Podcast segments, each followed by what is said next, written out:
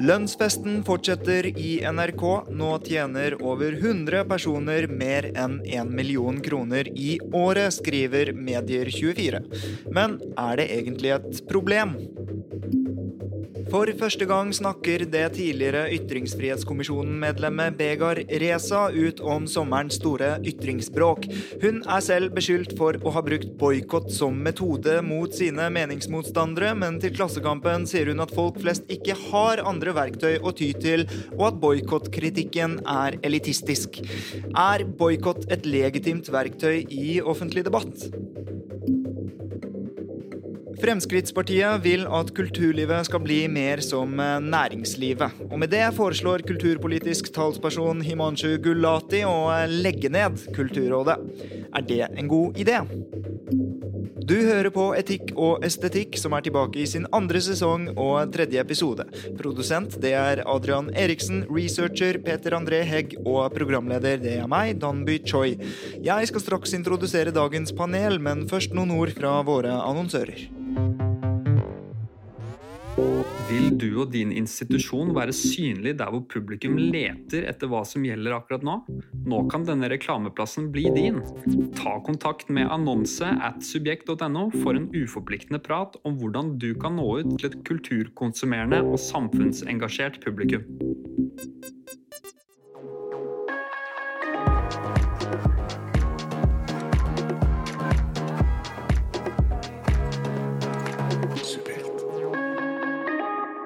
Med meg i studio sitter høyrepolitiker Mathilde Tybring-Gjedde, som er fast møtende vararepresentant på Stortinget, hvor hun sitter som medlem av utdannings- og forskningskomiteen.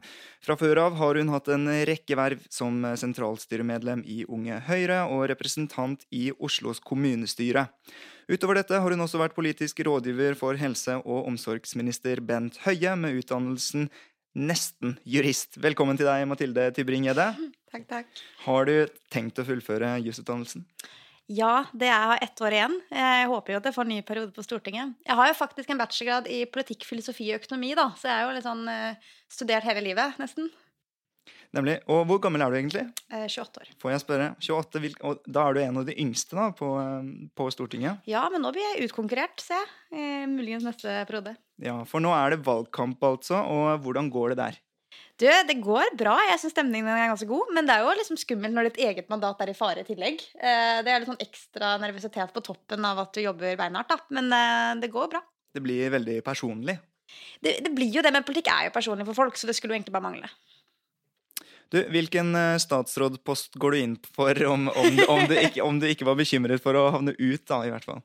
Jeg tror sånn, Det riktige politiske korrekte svaret er at man ikke skal svare på det. Men jeg, altså, jeg er veldig glad i opptatt av eh, utdanningspolitikk, da. så jeg kan jo ikke svare noe annet enn det. Og ved Mathilde Tybring-Gjeddes venstre side, både rent fysisk, men også politisk, sitter Sylo Tarako, som er rådgiver i sentrum-venstre-tankesmien Agenda. Han er utdannet statsviter fra Universitetet i Bergen, og har tidligere jobbet som rådgiver i Den norske Helsingforskomiteen, som underdirektør i UDI og som generalsekretær i Likestilling, integrering og mangfold, kanskje best kjent som LIM. Våren 2016 ga han ut boken Innvandringsrealisme politikkens muligheter i folkevandringens tid, og våren 2018 ga han ut boken Balkanisering av Europa hvordan populisme og innvandring splitter oss. Velkommen til deg, Sylo Tarako. Takk, takk. Det er tre år siden sist eh, bokutgivelse. Har du noe nytt på gang? Du glemte å nevne min siste bok, 'Frihetskampen i islam'. Eh, og det var veldig hyggelig å høre at Mathilde har eh, tenkt å lese den. Eh, så eh, Ellers så har jeg også et, et annet bokprosjekt på gang, men pga. korona så, så går det veldig tregt. Er dette noe du kan eh, si utdype? Ja, det, det handler om eh, Albania og eh, overgangen fra kommunisme til turbokapitalisme. Altså hvordan de har eksperimentert med, eh, med ulike eh, regimer, og hvordan det har gått. Men også en, en portrett av, av det landet. Ja, Er du da positiv til kapitalisme?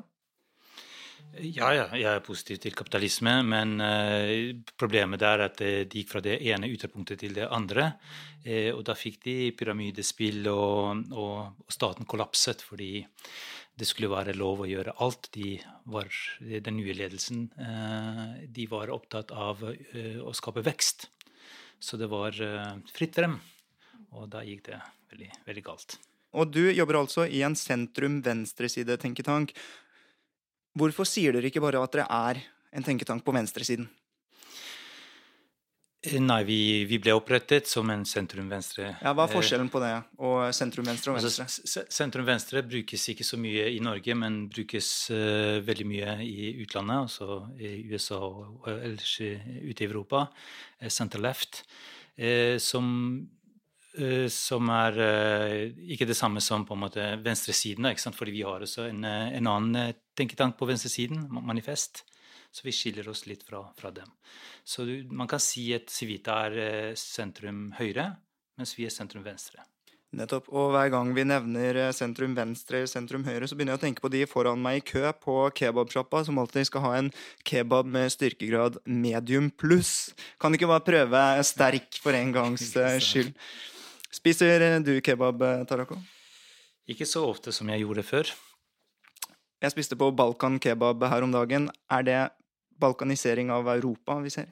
Ikke sant. Eh, Balkankebaben er, har jeg mer sans for, ja. Spiser du med kebab, Mathilde? Ja. Og hvilken styrke ber du om da? er det ikke medium pluss? Hvis høyresida er pluss, så tenker jeg at da velger jeg det heter Sofie Elise, og du hører på Etikk og estetikk, en podkast fra Subjekt.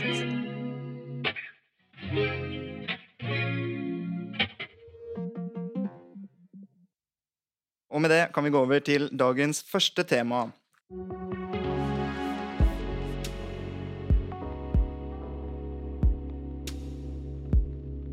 Lønnsfesten fortsetter i NRK. Nå tjener over 100 personer mer enn en million kroner i året. Det skriver Medier24. Men er det egentlig et problem, Mathilde Tybring-Gjedde? Nei. Og du da, Sylo Tarako? Ja. Hvorfor svarer du nei, Mathilde? Og her kan jeg komme med nyansene. Det er bra. Um, nei, altså det, utgangspunktet så mener jeg at uh, selvfølgelig skal uh, NRK vise nøkternhet uh, med lønning, lederlønninger. Og de har 1700 journalister. Veldig mange ulike flater. I utgangspunktet så, så, er det at man har 100, men kanskje hvis i tilfelle det er lederoppgaver og man har ansvar, så skal de være konkurransedyktige på lønn. Men så tror jeg nok, for å få lov til å nyansere, da, at det er geografiske forskjeller her òg. fordi at de skal ikke være lønnsdrivende. Og det er ingen tvil om at NRK på, i visse distrikter kan ha høyere lønn enn det som er alternativet for journalistikken ellers eh, i sin region. Og da mener jeg det er en større utfordring. Men det er NRK har i utgangspunktet veldig flat struktur, um, uavhengig om det er i Oslo eller eh, på distriktskontorene. Ja, men du, uh, du, argumenterer altså litt sånn i et konkurranseperspektiv. Men i det hele tatt så er jo enhver krone i NRK-lønn faktisk skattepenger. Så lurer jeg altså på om man skal bruke så mye skattepenger på lederlønninger til noen som er statsansatt. Så jeg mener i utgangspunktet at man skal eh, bremse på statlige lederlønninger. Eh, så nå, jo, nå skal jo ikke lederlønning i staten lenger få mer enn det som er den alminnelige veksten for konkurranseutsatt industri. Det er jo en ny regel nå. Eh, men i NRK så vil jeg, vil jeg mene at hvis de er lønnsdrivende, så er det et problem. Hvis det er konkurransedyktig lønn i sin region, eh, så mener jeg det er riktig, fordi at skattepengene skal gå til godt journalistisk innhold og best mulig journalister. Eh, så det er der jeg, på en måte, det er det premisset jeg legger til grunn. Eh, så kan det godt være at det ikke stemmer, og da endrer jeg til nei, at det er et problem. Og du svarer altså det motsatte av Tybring-Gjedde, og hvorfor gjør du det, Silo Tarako? Av tre grunner, hvis jeg, hvis jeg, får lov til å nevne det. Så Det ene er at det er en del av en uheldig trend vi ser, med høye mest sterk økning av lederlønninger. Og dette skjer både i privat og offentlig sektor, eh, men den økningen er mest i offentlig sektor nå, og i statlige eh, selskaper. Det er ikke så mye man får gjort med, med lønninger i, i, eller lederlønninger i, i privat sektor, mens du, du, sa at dette finansieres sant, av, av, skattepenger, og da har politikere mye mer de skulle ha sagt. Eh, og jeg tenker at eh, statlige selskaper må gå foran som et godt eksempel. Eh, og det blir vanskelig å oppfordre til moderasjon i privat sektor hvis eh, statlig sektor eh, det, hvis man har en sånn galopperende lederlønninger i, i, statlige selskaper. Det andre er at det er uheldig med at lønnsgapet øker. Um, og og, og dette lønnsgapet ser vi også i NRK. Det er eh, stor avstand mellom liksom, ledere på toppen og de, de på gulvet. Uh, og større ulikhet i arbeidslivet bidrar til større ulikhet ellers i, i samfunnet. Så det handler om å bevare den norske modellen. og, og med, med sammenpresset eh, lønnsstruktur. Så, så, og, så er det det tredje er at eh, NRK bør være varsomme med å være lønnsdrivende, som, som også Mathilde sa. Man skal ikke være lønnsledende. Det, det er det ikke. Men, eh, På langt nær, for nei, å bekrefte det. Ikke sant. Men, men, at man skal være forsiktig fordi, fordi de har andre forutsetninger enn de private. altså Det er mindre risiko i NRK, og da kan de også lettere utkonkurrere andre hvis, hvis man fortsetter med denne trenden. Men eh, frykter du ikke for at vi får en inkompetent leder, da, dersom vi ikke har en eh, Altså, han kan jo plutselig bli direktør i et eh, annet selskap med langt høyere lønn plutselig. Eh, ja, også jeg er for at det skal være konkurransedyktig eh, lønninger. Eh, men jeg ser ikke det som et problem i dag at, at det er så lite attraktivt å jobbe i NRK at vi kommer til å se liksom, at, at mange ledere flytter til andre steder. Det hørtes ut som et sentrum-venstre-svar. Men uh, Mathilde Tybring-Gjedde, tror vi altså at vi får folkelig journalistikk av en som tjener 3,5 millioner kroner i året? tror du han har de samme problemene som oss? Vi snakker om Tor Gjermund Eriksen, uh, kringkastingssjef i NRK. Ja, så det valgte ytterpunktet her, da, for jeg vil anta at han er uh, den som tjener mest i NRK. Det er klart, NRK har som sagt det er vel rundt 1700 journalister. Um, de har um, veldig mange ulike flater de har nyhetsjournalistikk på. Um, den, altså ikke, det er ikke slik at NRK på andre fronter er lønnsdrevne heller for journalistene, som jobber da med å egentlig lage og utforme sakene. Og så er jo spørsmålet med lederlønninger må jo være hva slags ansvar har de? Eh, er, hvilken, region er det? Altså, er det snakk om konkurransedyktig, eller er man da lønnsledende? Det må, og det er det ansvaret jeg mener NRK har, nettopp fordi de har en spesiell samfunnsmandat eh, i Norge. Kan du eh, forklare dette med regioner en gang til? Hvorfor er det så viktig at man er regulert i lønn i henhold til hvor man bor? Nei, altså, Jeg sier ikke nødvendigvis man skal være regulert i lønn. Det er, det er, fint at NRK har en flat struktur, men eh, slik at uavhengig av eh, hvor man jobber og har lederroller, så tjener du det samme. I utgangspunktet så er det bra.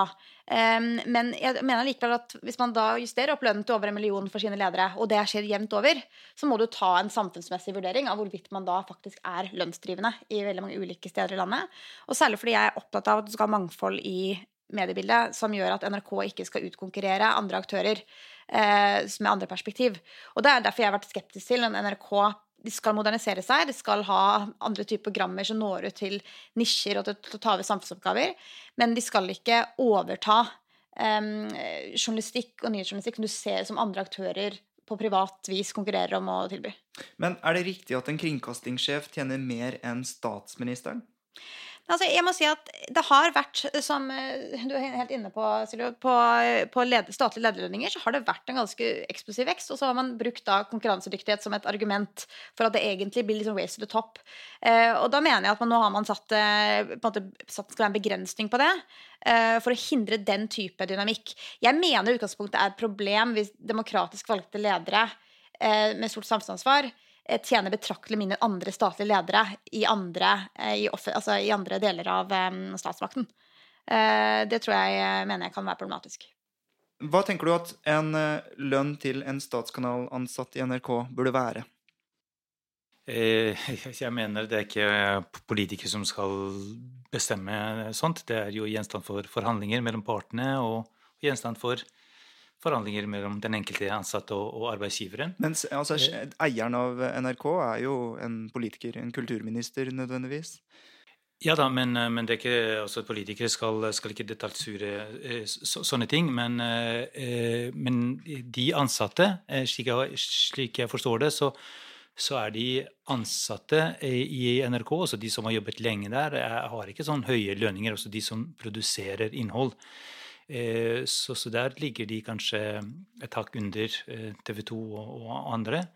Eh, så, så er jeg, veldig opptatt, altså jeg er opptatt av det, dette å dempe gapet som, som, oppstår der. Men er det ikke en fare for at NRK blir et springbrett? og hvor, ikke sant, Man hører jo hele tiden om folk i profiler, særlig da, i Radioresepsjonen eller i det være seg Tore Sagen eller Jonis Josef eller noen sånne profiler som NRK bygger opp, havner jo hos Viaplay, Dplay og TV 2. Dere starter som, eh, på, egen hånd som frilansjournalist eller noe. Eh, og Ja, altså, så, sånne ting skjer ikke sant, overalt. Eh, og sånn litt gjennomtrekk trekk er, er, er naturlig. Eh, men jeg tror ikke det er det som er det store problemet, at NRK mister kompetanse og sånt. Det, NRK er jo et veldig attraktivt arbeidssted. Eh, gans, ganske unikt mediehus, kanskje også i verdenssammenheng. Eh, har høy, høy kvalitet. Og, eh, og det må være attraktivt av flere grunner å jobbe der med, med spennende og viktige oppgaver. Så, så jeg tror ikke at kvaliteten bestemmes nødvendigvis av høye lederlønninger alene. Så det er viktig å si at det er klart du har noen profiler som man selvfølgelig kan bruke lønnsargumentet mot. Du er inne på det, at det er flere som har gått til som alt til TV Norge og til andre med kommersielle kanaler. Eh, men i, men det, det er jo et fåtall. altså Vi snakker om et veldig stort mediehus på veldig mange flater. Eh, hvor i utgangspunktet så er det attraktive fagmiljøer, eh, også regionalt og i distriktene, å kunne jobbe i NRK. Yo! Det er Uge Marstein eh, her, fra Undergrunn Klikk. Du hører på Etikk og estetikk av Subjekt. You know the shit. Og med det kan vi gå over til eh, neste tema.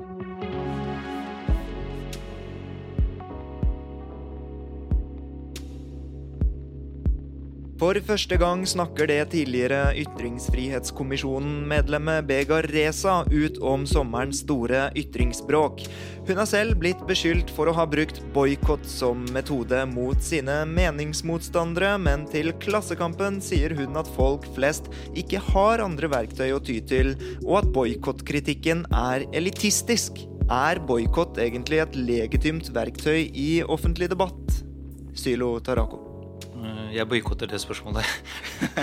Nei, det, det, nei, nei, det, nei. eh, det er ikke et legitimt si. verktøy. Eh, Syns du det er et legitimt verktøy, Mathilde? Nei.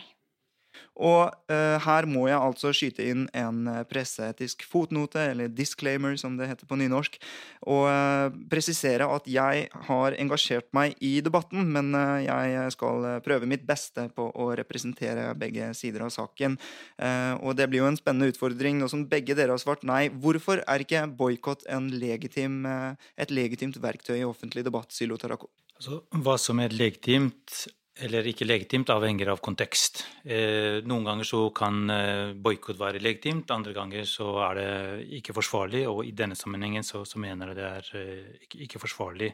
Eh, jeg leser eh, Jonas Bahls eh, nye bok om streik, og der viser han til forskjellige metoder som arbeiderbevegelsen har, har brukt gjennom historien for å få til poli til å styrke sine rettigheter og få til politiske endringer. Bl.a. flere vellykkede boikottaksjoner. Så boikott har, eh, har hatt effekt og er en, også et demokratisk virkemiddel som, som man kan bruke. Og det har vært mange eksempler gjennom historien hvor boikott har vært veldig legitimt. Jeg kommer selv fra Kosovo, hvor, eh, hvor vi har brukt boikott eh, som virkemiddel mot Milosevics regime. Kanskje ikke har hatt den effekten vi, vi, vi skulle.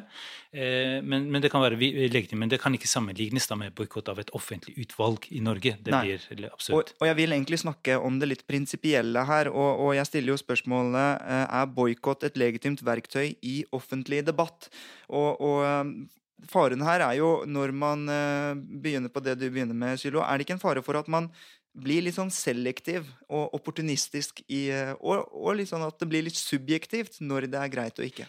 Nei, ikke helt subjektivt. fordi eh, det å sitte i et offentlig utvalg eh, er en ære. Jeg har fått lov til å sitte i to offentlige utvalg, og der sitter mennesker med ja, som har ulike interesser, ulike, ulik kompetanse, ulike standpunkter. I, i, men, men de sitter sammen og skal jobbe veldig lenge for å utrede et, et stort og viktig spørsmål.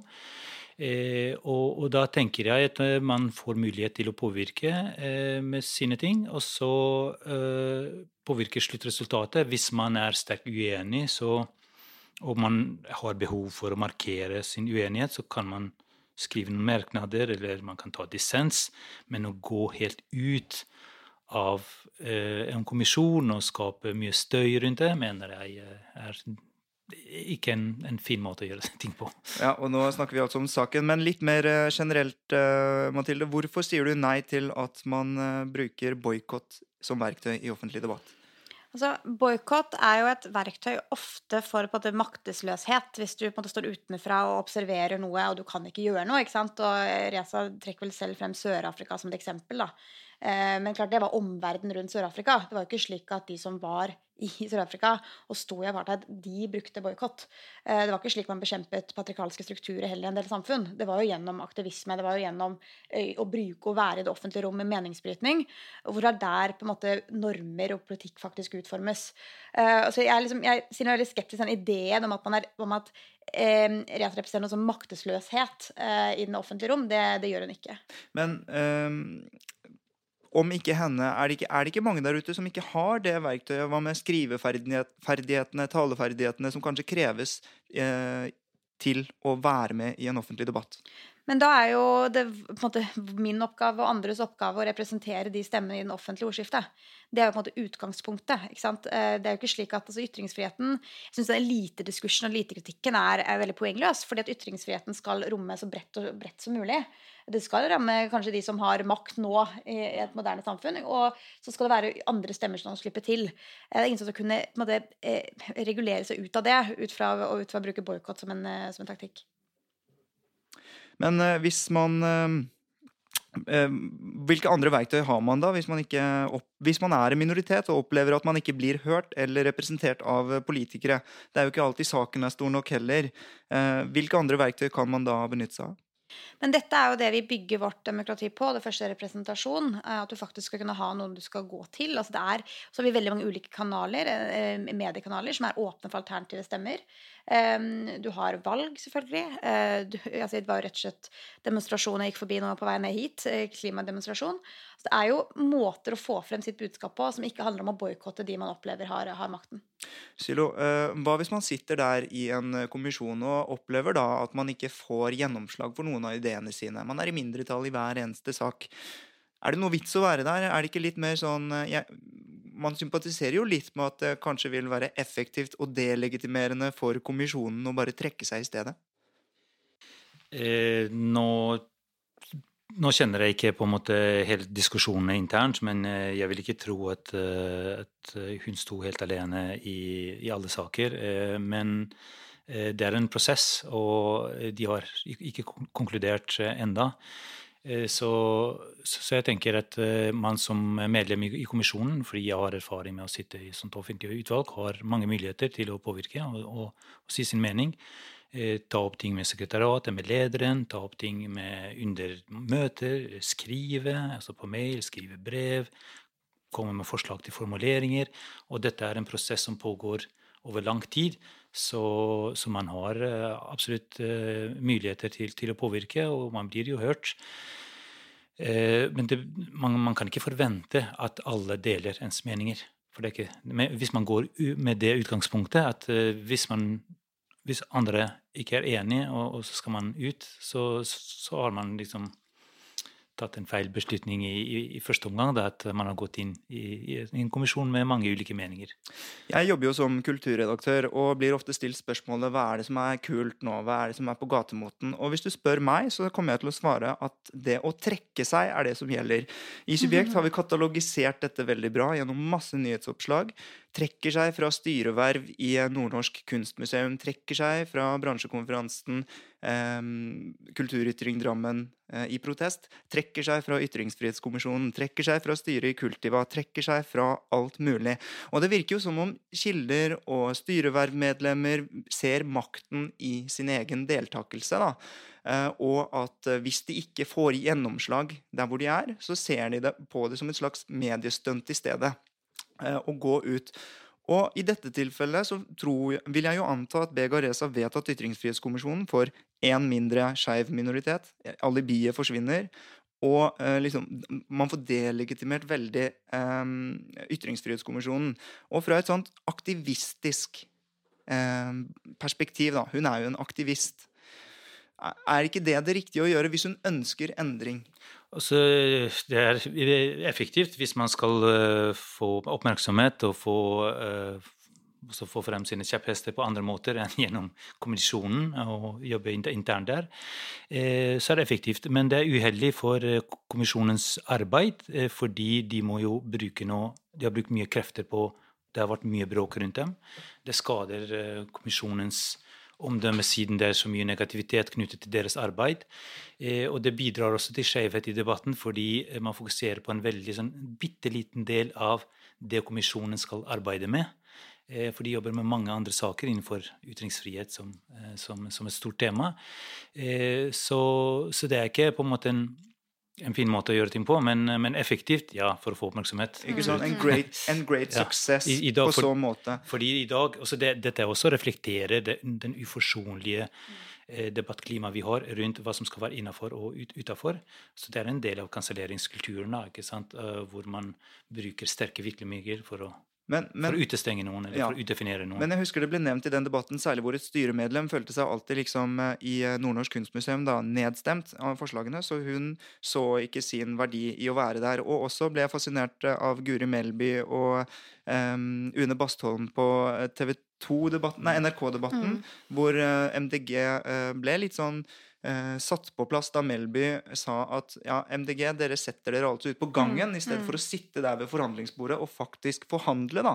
Eh, og da mente ikke sant, MDG at det er ikke noe vits å være nedstemt i et demokrati. Mm. Eh, eh mens Melby mente at jo, er, vi kommer til å sitte der med saken på agendaen på møtebordet. da i alle fall. Mm. Hva er din tilnærming til det? Nei, Jeg tror nok jeg skulle se sammenhengen her mellom også ultimative krav i politikken. fordi at det gjenspeiler jo den samme tendensen. ikke sant? Nettopp. At det er en form for på en måte, profilering. det er mediestunt, kan man kalle det. Det er et forsøk på en måte å vise seg uforsonlig i at dette er det eneste ultimative du må gjøre for å kunne måte, for å stå for noe.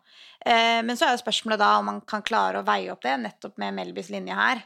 Som er da å få frem at Men igjen, vi er meningsbrytning eh, i seg selv, eh, og kompromiss i seg selv, kan faktisk også føre samfunn et skritt, et skritt videre.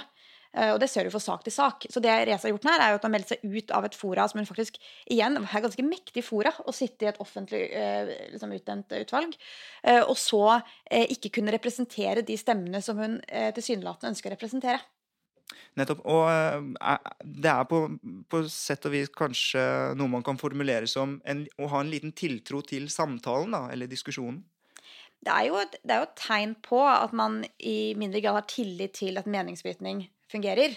Eh, og at eh, man i større grad liksom, baserer seg på enten identitetspolitiske tilnærminger i en debatt, eller idé om at noen stemmer du ikke skal lytte til. Eh, så det, jo, det har jo på en måte beveget seg fram da man trodde at på en måte troll altså i solen eh, sprenger i solen, eller hva det heter. Sprekker. Sprekker i solen, der har du den. Eh, til den debatten vi har nå, hvor man egentlig opplever at eh, eh Inkludert med sosiale medier, at du får litt mer ekkokamre, eh, og at eh, meningsbrytning faktisk kan nesten Man ser det som en legitimering av stemmer man ikke ønsker å legitimere. Det er nettopp det, fordi Ytringsfrihetskommisjonen eh, skal jo snakke med de aktørene som er i randsonen av debatten. Også når vi snakker om hvem som skal være innafor og utafor, så er det noen som er gjenstand for debatt, og f.eks. Slusseri, Ombudsmannen og Resett osv. Og, og da er kommisjonens oppgave å utforske hvordan, eh, hvordan ting er i dette grenselandet. og og, og, ta imot innspill. Eh, og så skal de drøfte og konkludere. Eh, og da, hvis kommisjonen selv skal drive med kansellering, så, så, har de liksom konkludert uten å, å drøfte. Også en utredning det er jo å belyse en sak fra flere sider. og Grundig arbeid. Det er ikke noe aktivistisk verktøy. Og så konkluderer man basert på en veldig grundig gjennomgang av prinsipielle ting, juridiske ting, og så setter ting i historisk perspektiv osv., slik at vi alle kan bli klokere. Eh, og da, da, Vi har fått et sånn metadebatt nå som ikke bringer oss videre i det hele tatt. Så jeg håper dette, denne støyen går over, og at eh, vi fokuserer på viktigere ting som Ytringsfrihetskommisjonen skal jobbe med. Jeg syns egentlig det er litt interessant, fordi at du, spør, du stilte spørsmålet er dette et effektivt verktøy for ESA for å delegitimere. Eh, ja, det er det jo. Men nettopp at hun kan bruke det som et effektivt verktøy, tyder på at hun har makt. Eh, og det tyder på at eh, det ikke er maktesløshet bak de hun representerer, de stemmene. Fordi at i, i de land hvor det faktisk er maktesløshet, hvor du har stemmer som ikke er en del av eliten, så vil jo ikke boikott kunne vært effektivt overhodet. For du ville ikke fått avisoppslag knytta til det. Du ville ikke eh, kunne blitt fulgt opp senere. Du ville ikke hatt en, en arena for å delegitimere hva du akkurat har boikottet. Og det har hun hatt. Så det tyder jo nettopp på at eh, det ikke er snakk om en asymmetrisk maktforhold hvor hun er i mindretall. Nei, man har uh, i hvert fall dagsordenmakt når, uh, når, man klarer å skape debatt i, i flere uker i sommer, og den debatten foregår fremdeles, så har man i hvert fall dagsordenmakt, og det er ikke, det er ikke lite. Det har ikke aktivister i andre land eh, nei, nei, som er kjemper mot strukturer som er etablert elitistiske. Vil du og din institusjon være synlig der hvor publikum leter etter hva som gjelder akkurat nå? Nå kan denne reklameplassen bli din. Ta kontakt med annonse at subjekt.no for en uforpliktende prat om hvordan du kan nå ut til et kulturkonsumerende og samfunnsengasjert publikum. Og med det går vi over til siste tema.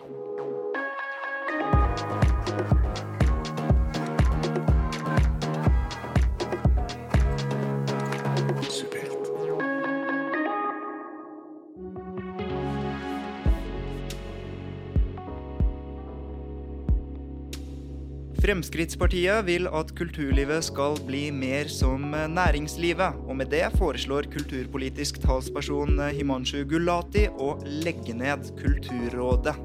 Er det en god idé, Mathilde Tybring-Gjedde? Nei. Og Sylo Tarako? Fryktelig dårlig idé. Ja vel, da får jeg ta på meg den kontrære masken igjen, men det er jeg vant til. Hvorfor synes du at dette ikke høres ut som en god idé, Mathilde? Altså, intensjonen til eh, altså Det Frp er kritisk til, er vel egentlig hva, hva Kulturrådet støtter av, av, kunst- og kulturuttrykk. Eh, og at opplever at det er politisk skjevt. Um, og det er jo en kritikk man gjerne kan, kan engasjere seg i. Og mene at uh, man ikke klarer å representere bredden. Men det er jo noe annet. Og det å si at man ikke trenger skal offentlig støtte til kultur um, i Norge. Jeg mener at det er et gode for å bygge sterke sivilsamfunn, og generelt for eh, gode oppvekstvilkår for et, for et levende og mangfoldig sivilsamfunn.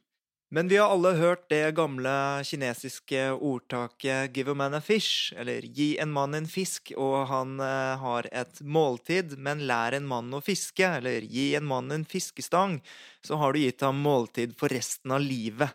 Er det ikke litt sånn med mm, kulturstøtte også? Burde man ikke, heller enn å gi prosjektstøtte eller stipend år etter år, kanskje ruste dem litt bedre gjennom politikken for å drive med selvstendig næringsvirksomhet? Altså, det er en balanse her. for jeg mener at eh, En grunn til å finansiere kulturlivet er jo nettopp eh, at det er ikke alt som etterspørs med penger, som er det, som man, det man ønsker å mener er riktig, altså, som er gode, interessante kulturuttrykk. Så det er ett et element. Eh, men så har jo på en måte vi gjennom f.eks. gaveforsterkningsordningen, hvor vi nettopp forsøker å også gi insentiver til kulturlivet til å komme ut til, til næringslivet eller andre private penger, ønsket å på en måte få inn private initiativ. For det har vært en mangelvare. Jeg mener heller ikke det er positivt for kulturlivet dersom det er totalt offentlig støttet um, og ikke har andre givere. Men det, igjen, det er en veldig stor kontrast mellom å mene det uh, og det å ønske å legge ned mye av den offentlige finansiering. Og du da, Tarako, du, er, um, du konkluderer jo likt som henne, men eh, begrunner du det annerledes? Hvorfor er du kritisk til um, Himanshu Gulatis kritikk mot uh, Kulturrådet? Det er legitimt med kritikk, men det å legge ned, det er det har store, store, konsekvenser for kulturlivet. Altså, vi må huske på at vi får veldig mye igjen for de pengene som eh, bevilges til Kulturrådet. Eh, bare tenk litt på pandemien som vi har hatt nå, eh, hvor eh, vi har eh, ikke deltatt så mye eh, i kulturarrangementer og sånt. Hvor kjedelig og grå samfunnet har, har vært. så så kulturlivet skaper mye verdier, både i form av sysselsetting og i, i, i form av eh, omsetning i, i, milliardklassen, men først og fremst verdier som ikke kan måles med penger. Altså bevaring av kulturarv, eh, opplevelser som folk eh, får. Eh, mangfoldet i kunst og, kultur, og bevaring av språk og norsk litteratur. og sånn kan, kan vi fortsette. Hvis dette er så viktig, hvorfor klarer de ikke å finansiere seg selv? Eh, altså man kan finansiere seg selv, eh, men da blir det ikke så eh, frie rammer som man har i dag. fordi da eh, blir det fort sånn at man må produsere ting som er populære.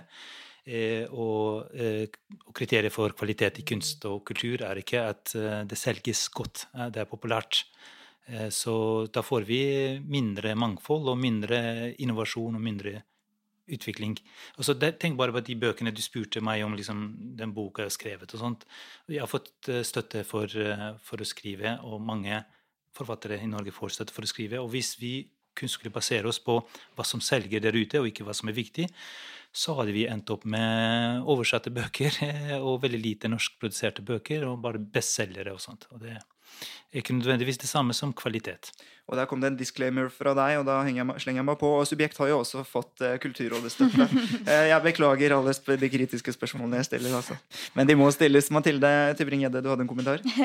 ja, altså, det, du er inne på det. det at um, Kunst og kulturen skal jo også utfordre det som er populært. Altså, det er litt av, litt av det som er drivkraften i, i kulturlivet. At det, det, bringer samfunnet videre nettopp uh, ved å um, stille spørsmålstegn ved det etablerte. Og da er ikke det nødvendigvis noe som etterspørres med penger der og da. Men mange vil nok mene at kunsten den statsstøttede kunsten eh, har mista det helt og bare blitt sånn venstreradikal propaganda. Jeg tror jeg skal være forsiktig med å, si, med å si det. Det tror jeg blir en overskrifter. Men det er klart, ja, jeg, jeg tror nok altså man, I den grad Kulturrådet eh, støtte blir for smalt, um, og, at man, og at man egentlig igjen ser på private penger i kunsten som en uting, det gjør ikke jeg. Jeg tror det å ha eh, ulike impulser inn i, inn i, kunsten er nødvendig. Um, og jeg tror nok liksom at altså Hvis du ser på det samspillet som er mellom offentlig, privat og ideell da, i veldig mange ulike sektorer, som jeg mener er bra, uh, det gjelder også i kunst, kunstlivet og kulturlivet. Og der eh, tror jeg nok en utfordring er når det offentlige blir så stort, og det fortrenger private og ideelle initiativ i så stor grad. Det tar over på en måte ansvar og andre impulser.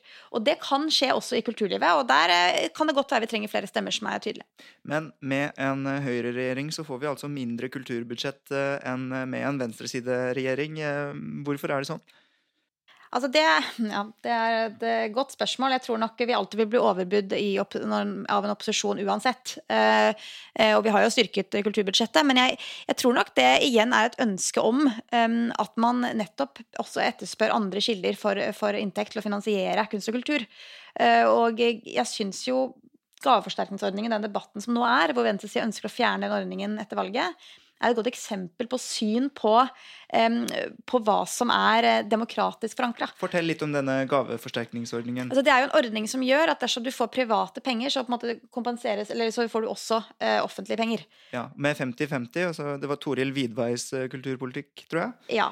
Og det er jo et ønske om at man nettopp da eh, søker eh, ut til folk. Altså jeg snakker bare snakk om eh, private, ideelle kilder, men altså, eh, også folkefinansiering eh, for ulike prosjekter eh, som er da privat gitt. Og det handler jo også om å, egentlig om å kanskje åpne opp kunsten til flere eh, et større fellesskap. Og det er nok en utfordring jeg av og til eh, stiller til, til de som mottar kulturstøtte, er hvem er, man, eh, hvem er det man når ut til? Og ta, ser man da på sin, sin rolle i samfunnet ikke nødvendigvis instrumentelt, for det gjør man ikke, men ser du på at du skal klare å oppfylle andre samfunnsoppdrag, F.eks. enten det er i integreringsfeltet eller i barn og unges oppvekst, eller nå ut til folk som ellers ikke har til. Men eh, skal, kunsten, eh, skal ikke kunsten være fri, da, fra sånne krav? Jo, og det er jo derfor man har et kulturråd som er liksom, borte fra politiske fingre. Men det må likevel være mulig å si at man skal ha et mangfold, og at man, at man må stille spørsmålstegn ved, og man klarer å oppnå de samfunnsoppdragene jeg mener også kunst og kultur bør ha. Det er jeg helt enig i, også at man trenger mer mangfold, og at man og det er fint med private givere. Ehm, det er jo ikke så sterk kultur i Norge med å liksom finansiere ting fra, fra, privat hold. Det er kanskje nettopp fordi vi har en så rik stat. Eh, men det finnes eksempler. Eh, Kistefoss eh, museet f.eks. finansieres av privat, av en, av en, riking. Og det er en kjempepopulært populært museum. Så, Astrup Fearnley-museet. Ja. Ikke sant? Det finnes, det finnes eksempler, så, så, kulturlivet finansieres ikke bare av staten. Altså De tjener egne penger, de får så penger fra andre givere, men, eh, men, det, men, det, er fint hvis dette forsterkes enda mer. Og Det gjelder ikke bare kulturlivet, men også ikke-statlige organisasjoner og sivilsamfunn sånn generelt. da. Det er jo litt sånn syn på hvem er det som, har, som er makten og eliten i et samfunn man skal utfordre. Eh, for jeg vil jo si at i finansiering av kulturfeltet så er jo det egentlig staten. Eh, som, er, eh, som på en måte har eh, veldig mye makt til å vurdere. Ja, men så har man heldigvis et autonomt organ som Kulturrådet, som ikke får politiske føringer, og det er ikke staten som bestemmer innholdet. ikke sant? Så det er jo veldig bra, for det betyr et at det gis friere rammer, og Ja. at man kan også være kritisk til, til hånden som gir. Ja, så Kulturrådet er jo opprettet som et slags ledd mellom eh, kunstneren og politik politikerne, sånn at eh, det blir såkalt armlengdes avstand, og at man ikke får propaganda, rett og slett, propagandakunst. Men mm. det som eh, likevel er litt fascinerende, er at vi skrev et oppslag eh, på, på eh, Sverige, hvor eh, det svenske kulturrådet hadde eh, forsket på dette, og jeg tror det var to av tre eh, kunstnere som søkte om penger. Eh, etterla seg altså politiske føringer da, etter hva som var liksom eh, det riktige nå. Nå husker, ikke, altså, nå husker jeg ikke helt formuleringen der, men de, de, de var ikke så veldig frie, selv om de fikk støtte fra eh, et organ imellom politiker og Og det er jo igjen den, den forståelsen av at i Kulturrådet sitter også mennesker eh, og gjør subjektive vurderinger. Um, og til å være kritisk til det, uh, også fra et politisk perspektiv, men fra, fra, fra folk og fra kulturlivet selv, det mener jeg trengs. Eh, fordi det er mye makt som ligger i å ha rollen som tildeler eh, fra offentlige skattebetalernes penger. Nettopp, og det har jeg også vært ute og kommentert før, og jeg har lyst til å dra det poenget igjen. Og jeg var veldig kritisk en gang Kulturrådet gikk ut og sa at nå skal vi satse på klima. De tre neste årene så, så vil vi ha liksom et stort klimafokus. Og jeg vet ikke om de lagde støtteordninger til det, og det hadde jo i så fall vært liksom Da hadde man i hvert fall vært åpne om det. Men man skal være veldig forsiktig med å si sånne ting, da, fordi man legger føringer. Og apropos, her finner jeg oppslaget. Um, Halvparten av svenske kunstnere tilpasser seg politiske signaler for å få offentlig støtte. Mm. Ja, hvis- Får vi fri og kritisk og mangfoldig kunst av dette? Eh, Nei, hvis man tilpasser seg eh, politiske signaler, så gjør man ikke det. Men er ikke kritikken i Norge at kunstnere er for radikale, og de driver med veldig mye sånn provokasjon og, eh, og liksom utfordre det etablerte og sånt? eh, Fordi det er det som det er det som også skjer da, når, eh, når, kunst, når, når vi ikke har bestillingskunst, da, men kunstnere er friere til å utfordre det, det, det etablerte. Så jeg tror ikke vi har det problemet i Norge. Så må man skille mellom finansiell avhengighet og kritisk uavhengighet. Fordi i, Norge så har vi en tradisjon eh, som, hvor man både mottar penger fra staten og kritiserer staten samtidig. Så du tenk bare på de eh, frivillige organisasjoner vi har. Eh, antirasistiske organisasjoner osv. som mottar penger fra staten. Ofte 100 finansierte, men som også er svært kritiske. Eh, det, går, det, dette fungerer ikke i andre land, i mange andre land, men, men her fungerer det. og, og Men, men man skal, jeg mener likevel at hvem er de kritiske til? De er jo kritiske til da politikerne som ikke kan gi føringer. Eh, Men ikke, men ikke nødvendigvis til den etablerte oppfatningen i de som tildeler pengene. F.eks. Kulturrådet. Nå sier jeg ikke at det er sånn det er, men jeg bare tenker at vi, når vi har en stat som gir så mye støtte til sivilsamfunnet, i så stor grad at man nesten er avhengig av staten, eh, så det er ikke nødvendigvis avhengig av det politisk etablerte eh, som har flertall til enhver tid, men til det som er rådende synet på det feltet man opererer i. Eh, Og det mener jeg kan være en utfordring, også for organisasjonslivet. Bare for å ta en parallell. Nå har du veldig mange organisasjoner som gir terningkast til partier.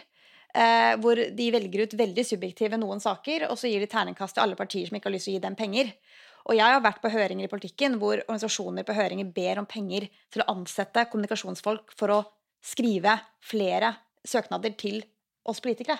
Eh, Så det på en måte er jo en selvforsterkende kultur, hvor man da også egentlig kan stille det spørsmålet hvem har makten til slutt her, da.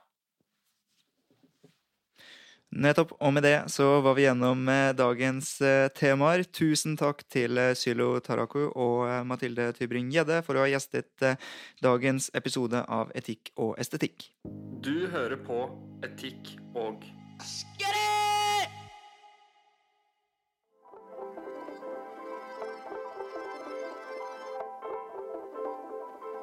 Etikk og estetikk er tilbake i neste uke, og vi lover som alltid nyansert dialog med noen av landets klokeste mennesker, så det er bare å følge med. Og å følge med det gjør du ved å abonnere på Etikk og estetikk der hvor du hører på podkaster, det være seg på Spotify, Soundcloud, Apple Podkaster, Google Podkaster eller hva enn. Jeg vil også oppfordre deg til å bli medlem i Facebook-gruppen Etikk og estetikk, et debattforum hvor vi inviterer våre lesere og lyttere til å å diskutere de temaene som opptar poden vår, og som opptar subjekt. da.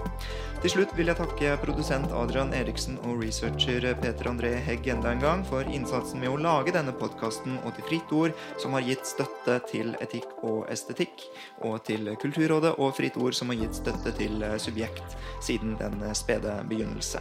Vi poddes!